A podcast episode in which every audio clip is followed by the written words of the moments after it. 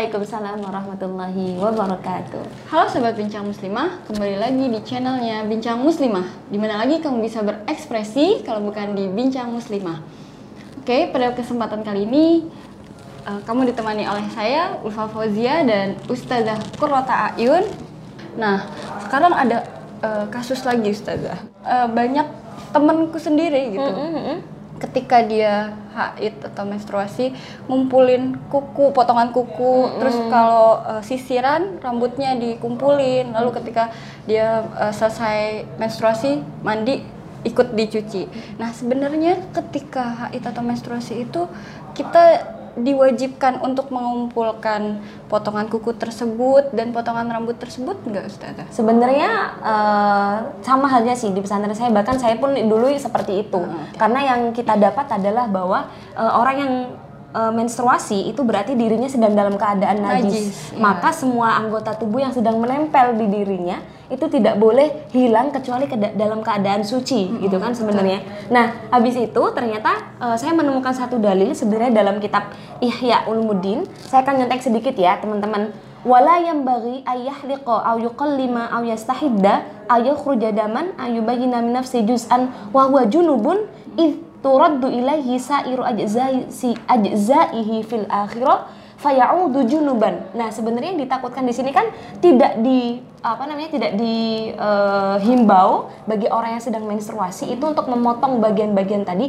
karena kelak di akhirat itu akan dibangkitkan kembali apa yang sedang bersama dengan dia. Nah, tetapi kemudian uh, ternyata i, pendapat Imam Al Ghazali ini sebenarnya bukan sifatnya adalah keharaman mutlak. Karena sifatnya wala yang bari yang artinya itu boleh saja dilakukan gitu. Karena sifatnya bukan uh, haram. Sebaiknya, sedangkan gitu. iya sedangkan tidak ada ayat Al-Qur'an ataupun hadis yang secara eksplisit menjelaskan hal itu. Bahkan kalau Kak Ulfa tahu uh, uh, Sayyidah Aisyah pada suatu ketika itu sedang berumroh dengan Nabi Muhammad. Hmm. Kemudian ketika umroh di tengah-tengah umroh itu, Sayyidah Aisyah itu haid dan kemudian uh, kata Nabi Muhammad dalam potongan hadisnya itu uh, da'i umrataki wang wang qidi ra'saki wamtashiti wa ahli bil haji. Wamtashiti. Ya, bahkan disuruh sisiran. Ya udah, selesaikanlah hajimu, kemudian uh, sisiranlah dan kemudian wa ahli bil umrati kan gitu bertalbiyahnya bertalbiyahlah Artinya apa? Ini ada kontradiktif uh, apa namanya pendapat Imam Al Ghazali mengatakan bahwa walayam bagi, sedangkan Sayyidah Aisyah justru diperintahkan oleh Nabi Muhammad, gitu kan? Bahkan hadisnya ini sahih. Maka uh, la'alla sawab kita mengacu pada hadis ini bahwa sebenarnya e, menyisir ataupun memotong kuku itu sebenarnya boleh dilaksanakan oleh orang-orang yang sedang dalam keadaan menstruasi dan tidak diwajibkan untuk membasuh apalagi bersamaan ketika dia sedang mandi. mandi gitu. Ya cukup selesai itu buang saja. Justru anggota yang ditinggal itu yang seharusnya dibasuh, bukan yang sudah e, apa namanya? Uh, dipotong tadi gitu. Jadi boleh-boleh saja sebenarnya. Karena aku pribadi ya, kalau mm -hmm. misal harus ngumpulin kuku gitu, potongan kuku atau rambut yang uh, uh, rontok, gitu, mm -hmm. itu rawan hilang gitu. Benar sekali. Kan? Uh, sebenarnya kalau terkait dengan akan dibangkitkan di akhirat, hmm.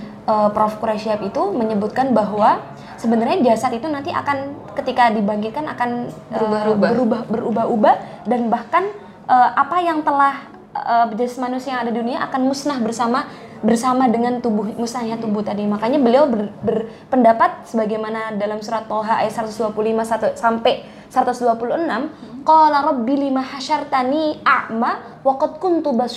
Jadi di situ Ya Allah, kenapa kok aku dibangkitkan dalam keadaan buta sedangkan dulu ketika aku di dunia, aku tuh bisa melihat. Nah, ini sebagai gambaran bahwa sebenarnya jasad bisa berubah-ubah dan semua fisik itu akan tertimbun dengan tanah dan tidak tidak lagi apa namanya di, di seperti semula, seperti semula kemudian ditanya uh, dalam keadaan junub uh, dalam keadaan junub seperti uh, yang kasus menstruasi tadi gitu. Jadi la ala sawab dalam pendapat saya berdasarkan dalil-dalil tadi itu sebenarnya tidaklah menjadi kewajiban seorang yang sedang dalam haid untuk mengumpulkan ataupun menjaga barang-barang uh, itu kuku dan rambutnya kan ada tuh sampai yang menjaga panjang biar dia nggak uh, apa namanya nggak uh, dipotong, dipotong. Hmm. karena kan kalau dipotong pasti akan banyak uh, resikonya kan yeah. gitu ataupun rambut karena orang-orang dulu ibu saya pun ketika uh, ngelihat anaknya menstruasi dan keramas itu akan dikomplain karena kan bahkan nggak boleh sisiran selama tujuh hari Tujuh ataupun selama masa menstruasinya itu dan itu sangat memberatkan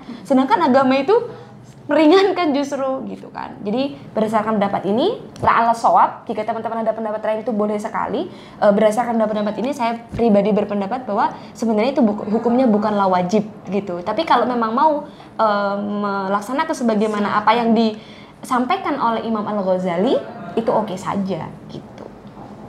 Berat, nah kalau ada temenku nih pernah dia itu ngumpulin ngumpulin eh, eh, rambutnya dan kukunya, tapi sebelum dia mandi, sebelum dia suci gitu, dia udah bersihin duluan karena dia takut rambut atau kukunya itu hilang gitu. Jadi dia bersihkan lalu baru dia buang.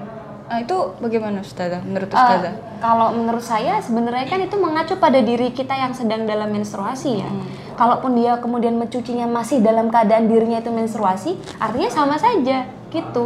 Saya baru nemuin kalau yang kasus seperti ini. Tapi untuk untuk berhati-hati sebenarnya. Iya, heeh. Gitu. Kalau dia mau memakai pendapatnya Imam Al Ghazali yang eh, Mengumpulkan. mengumpulkan, maka hemat saya sebenarnya di akhir saja ketika dia sudah selesai eh, menstruasinya. Karena kan sebenarnya jadi patokannya keadaan dia menstruasi kan, bukan bukan karena kukunya atau rambutnya, tapi karena dia menstruasi, maka dia harus menjaga beberapa anggota tubuhnya itu agar eh, ketika nanti suci ikut bersamanya. Lah orang dia aja belum suci kok udah di- disuciin. Gimana jadinya? Gitu sih sebenarnya kalau pendapat hemat saya. Oke, sekian dari kami. Semoga bermanfaat. Assalamualaikum warahmatullahi wabarakatuh. Waalaikumsalam warahmatullahi wabarakatuh.